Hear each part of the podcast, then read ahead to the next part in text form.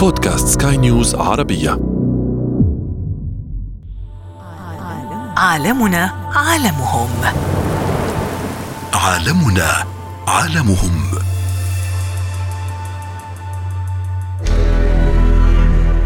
الناس تتساءل من أين لها ما تنضقه من طعام. ده الإعجاز العلمي في الخلق إنه المقدرات خلقها الله سبحانه وتعالى لها معدتين المعدة الأولى تسمى بالكرش والمعدة الثانية تسمى بالمعدة.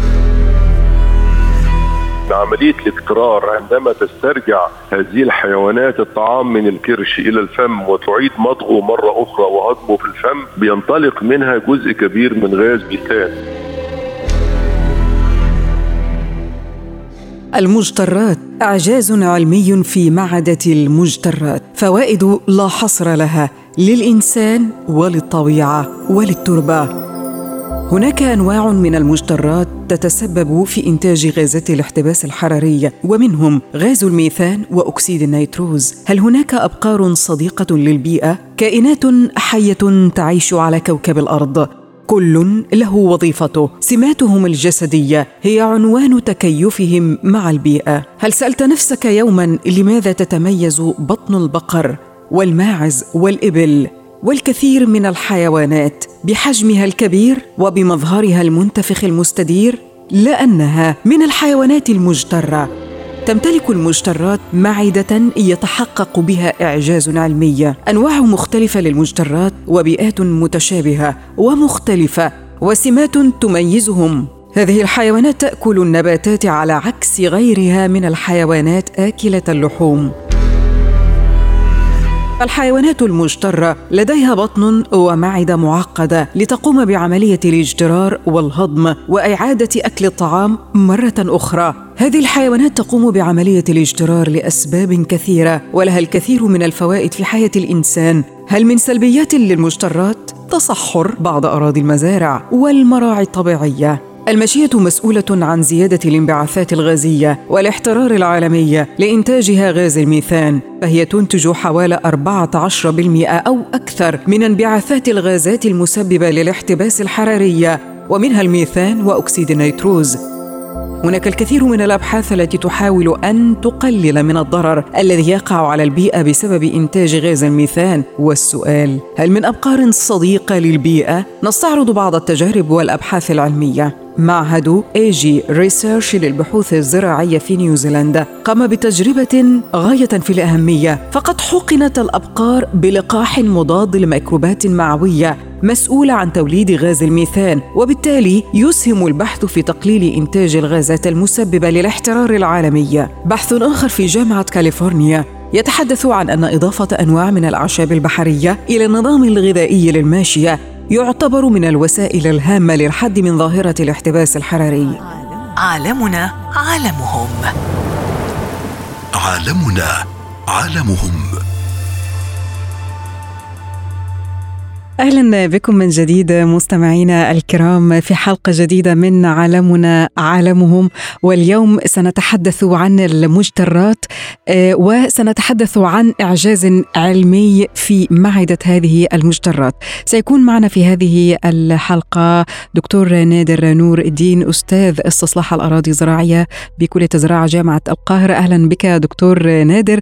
الحديث عن هذا الإعجاز العلمي في هذه المنطقة منطقة منطقة معدة المجترات وما حولها. نريد منك دكتور أن توضح لنا عن مفهوم المجترات وأنواعها وأهم السمات المجترات جاية من فعل اكترار والاكترار تعني كلمة المضغ. والمجترات هي الحيوانات التي تشاهدها دائما في حالة مضغ طعام داخل فمها حتى لو لم تكن في مواعيد الطعام.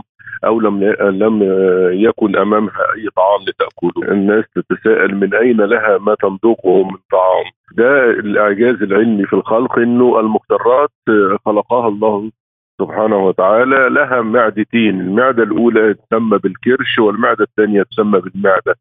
الكرش وظيفته إنه الحيوانات كانت أصلها برية كلها في الغابة. عندما تجد أي طعام أمامها فإنها تأكل كل ما تستطيع أن تأكله منه. لأنها لا تدري ميعاد الوجبة الجاية وعما إذا كانت ستجد طعاما في هو قادم أم لا. فبالتالي تأكل آه، أو تقطف كل ما أمامها من أعشاب وتلقيه في الجزء الأول من المعدة اللي هو الكرش وده مساحته كبيرة. وده بتمضغه مضغا مؤقتا أو مضغ جزئي ثم تلقي به في الكرش وتأكل أكبر كمية ممكنة. في بقية اليوم أو في أوقات الاستراحة تبدأ تسترجع ما قذفته إلى الكرش تسترجعه مرة أخرى إلى الفم ثم تقوم بمضغه مضغا كاملا وجزء كبير منه بيهضم في الفم النشويات كلها عن طريق الدعاب بتهضم والسكريات أيضا تهضم في الفم ثم تبدأ تلقي به إلى المعدة.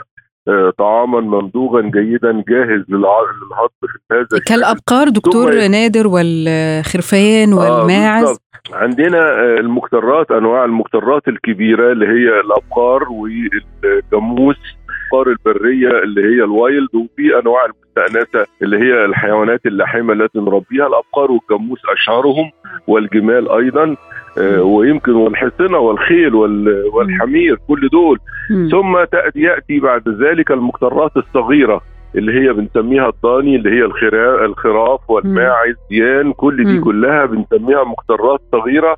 لأن نظام الأكل في المراعي الطبيعية تبدأ الأول المقدرات الكبيرة تأكل اولا لأنه آه، شفتها مش مشقوقه فبتأكل وتسيب جزء كبير فوق الأرض. تبدأ بعد كده تخش المقدرات الصغيرة اللي هي الخراف والماعز. والضاني لها شفة مشقوقة من الأعلى. فتبدأ تأكل الحشائش القصيرة وتصل بها إلى سطح الأرض وتبدأ آه، عشان كده حتى نظام الرعي تخش الأول الحيوانات الكبيرة ثم يخش بعدها الحيوانات الصغيرة. إنه حتى الرعي ده له نظام وليس آه، إنه كله يطلق صحيح. مع بعضه علشان الصغير ما يتلفش للكبير اكله. طب لو انتقلنا للنقطة الأخرى دكتور نادر والحديث عن آه، المجترات كحيوانات لاحمه يعني توفر أيضا اللحوم وتقدم أنواع مختلفة من الألبان ومشتقاتها بالطبع التي يتم تصنيعها بعد ذلك أهمية هذه المجترات لكوكب الأرض وللإنسان هي طبعا للإنسان مصدر للحوم مصدر للألبان مصدر للمادة العضوية إنه في المراعي مطرح ما بتاكل بتنزل مخلفاتها مخصبة للأرض الزراعية فتزيد من آه، إنبات الحشائش وتعطيها قوة وتوفر لها الغذاء اللازم وكأننا نعيد جزء من الغذاء اللي أخذ من الأرض إليها مرة أخرى. الحشائش اللي بتطلع دي لأن نقدر نقول 33 83% من المراعي في العالم تنمو على الأمطار يعني مراعي طبيعية فبتنزل الأمطار من السماء تنبت الحشائش بنوعين حشائش قصيره وحشائش طويلة. عادة الحشائش الطويلة بتكون للحيوانات المفترسة بتختبئ جواها الأسود والنمور والسباع علشان تخرج منها دون أن يراها أحد والحشائش القصيرة السفانة بتكون للأبقار والجاموس والمقترات الصغيرة الضاني بكل أنواعه. فإذا ده كله محتاج إنه يتنظف محتاج إنه يتاكل لأن في أمطار تاني جاية وفي حشائش تاني جاية. فبتطلع هذه بيأتي دور هذه الحيوانات في الطعام من هذه المراعي ثم يتناولها الإنسان. حتى في العصر الحديث لما بدأنا نروض ونستأنس الأبقار والجاموس ونجعله دوميستيك يعني منزلي برضه بنزرع لهم في أو أو في المراعي الطبيعية لما تنزل الأمطار بيكون أنواع يعني محدثة من الأعلاف يقدر يأكلها. فتعطي كمية كبيرة. إحنا بناخد من الحيوانات مثلا الجلود عشان نصنع منها الأحذية والجاكيتات وكل الأمور المنتجات الجلدية. حتى الأمعاء بنصنع منها الآلات الموسيقية. الأوتار آه. الموسيقية دي مأخوذة من من من أمعاء هذه الحيوانات المقدرات آه، طبعا بناخذ منها الدهون الحيوانية كلها. يعني لصفات محددة هذه الأمعاء تختص بها فقط آه، يصنع آه منها هذه الآلات. فقط. مم. وليس غيرها يعني ما نقدرش ناخد من من حيوانات تانية مم. زي النمور والسباع ناخد ونصنع الآلات الموسيقية لا مم. الأوتار دي بتاعت العود والكمانجا بتاخذ من أجزاء خاصة من المصارين بتاعت المكترات وبناخد منها الدهون الحيوانية بمختلفها يعني في نعم. الدهن نفسه ودي البدو بيفضلوا يطبخوا بيه وفي بقى بناخد دسم اللبن نفسه اللي هو بنطلع منه الزبدة والسمن وكده. ثم طبعا بناخد اللحوم طبعا ك آه، في الاستخدام بكل صفاته. فدي كلها يعني نعم. بتقدم سلع وخدمات كثيرة جدا للبشر صحيح. وإنه البشر ما يقدروش يعيشوا من غير هذه آه، الحيوانات ولكن- صحيح ولكن في الريف يعني. آه صحيح دكتور ولكن يعني هذه الفوائد الكبيرة والجمة لهذه المكترات ولكن بالطبع هناك بعض الآثار السلبية التي تنتج عن المكترات تحديدا آه، ربما قلة مساحة الأراضي الزراعية أو آه، تصحر لبعض المراعي وأيضا نتحدث عن جزء هام وهي زيادة الانبعاثات الغازية آه، نتيجة الاحترار العالمي الذي يؤدي بالطبع إلى تغير المناخ. فنتحدث أيضا عن هذا الجزء دكتور نادر. كلام حضرتك صحيح. إحنا بنقاوم الانبعاثات الغازية أو الانبعاثات الكربونية في العالم كله.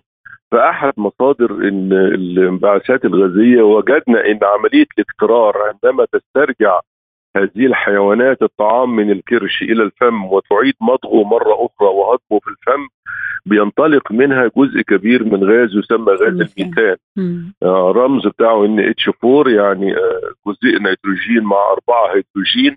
ده- من النوع اللي بيسبب احترار أو, أو ارتفاع في درجة حرارة الأرض بيعادل نحو 22 ضعف ما يسببه غاز ثاني أكسيد الكربون. وبالتالي لأن له قدرة عالية على إحداث احترار بدأ العالم كله يفكر إنه آه، كيف نقلل من انبعاثات غاز الميثان أثناء عملية اجترار الحيوانات لطعامها من الكرش إلى الفم ثم إلى المعدة؟ ودي أبحاث قائمة لأنه يهمنا كثيرا إنه غاز الميثان يقل ده بيخرج من الاجترار بيخرج أيضا من تخمر في مياه المستنقعات الآسنة والتعفن اللي بيحصل فيها. فبرضه غاز الميثان من المهم إنه آه، يحصل فيه نقص في كمية انطلاقه من الحيوانات المكترة. الأمر الثاني في مواسم الجفاف لما الأمطار تغيب وهي بترعى في المراعي الطبيعية إحنا قلنا 83% من المراعي بتنمو على الأمطار آه، وليست آه، على الري يعني والزراعه محكمة. فعندما تغيب الأمطار أو تقل وتأتي مواسم جفاف فبتضطر هذه الحيوانات أن تأكل القليل من العشب الموجود. فبتتعامل معاه بعنف إنها بتشد بيبقى العشب قصير وصغير فبتبدأ تشد هذا العشب من. الأرض خاصة المكترات مم. من جذوره فبتقضي وهي أثناء بقى شدها من جذوره بيخرج معاها الترب الزراعية التربة بتن- بتنكش من مكانها يعني بتخرج تنطر من مكانها نتيجة جذب هذه ال- الأعشاب من جذورها ونفس الكلام بتفعله الخراف والديديان والماعز. بتبدأ تشد هذه فتنكش التربة تفكك التربة تجعلها نهب للرياح إنها تشيلها وتنقلها لمكان آخر. وده اللي إحنا بنقول إنه في أثناء مواسم الجفاف الرعي الجائر أي الرعي على كمية صغيرة من الطعام المتاحة نتيجة للجفاف بيؤدي إلى تدمير البناء السطحي للتربة ثم آه، حملها بالرياح أو انجرافها مع الرياح وده بالتالي بيسبب تدهور وتصحر الترب الزراعية إنه ن- نيجي بعد كده الترب آه، تبقى غير صالحة لنمو المراعي وده بالتالي أحد أسباب في البيئة حاليا ما نحاربه هو تدهور وتصحر الأراضي الزراعية خاصة اراضي المراعي وتغير المناخ دكتور. طب آه، آه، الحلول دكتور الممكنة الآن؟ إحنا طبعا بقدر الإمكان دايما بنوصي إنه الراعي ما يبقاش راعي جائر يعني. آه، في أحيانا كثيره من مناطق الصحراء البدو بينتظروا موسم الأمطار عشان يبدأ آه، يرمي البذور بتاعة الاعلاف وتطلع. فدايما نقول إنه إذا كنت أنت بذرت بذور آه، 50 فدان مثلا تكفي لراعي 100 راس آه، من المكترات من فضلك ما تطلقش فيها 200 راس. لأن ده هيسبب رعي جائر لأن الأكل مش هيكفي اللي كان يكفي ال 100 راس مش هيكفي 200 راس. فده بالتالي هيؤدي إلى تدهور وتصحر الترب الزراعية. أيضا في في مواسم الجفاف بيحصل هجرة لبعض القطعان من مكان إلى إلى آخر يكون أكثر رواء بالماء وأكثر اعشابا.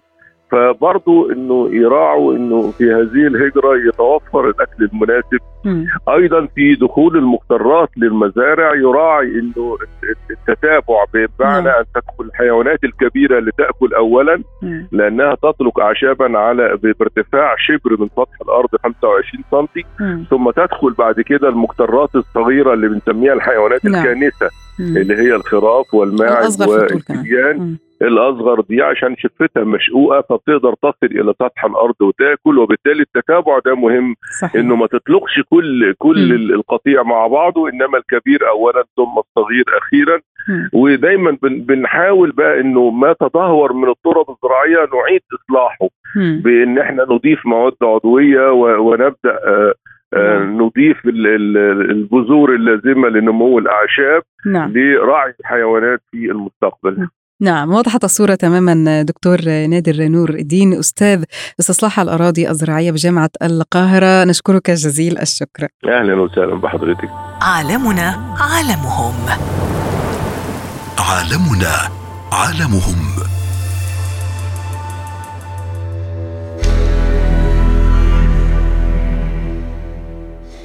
لكل كائن على وجه الأرض دور في عالمنا والأهم كيف يمكن أن نستثمر إيجابيات تلك الكائنات الحية وكيف يمكن أن نتغلب على سلبياتها فالمجترات تمتلك معجزة في معدتها وفي المقابل غاز يؤدي لتغير المناخ. يمكنكم المشاركة بمقترحات عن كيفية توفير بيئة صحية للماشية تقلل من إنتاج غاز الميثان. لنحمي كوكبنا وعالمنا الذي هو عالمهم كان معكم في هذه الحلقة في الإعداد والتقديم لبنى الخولي وفي الإخراج إيدي طبيب. انتظرونا في عالمهم عالمنا.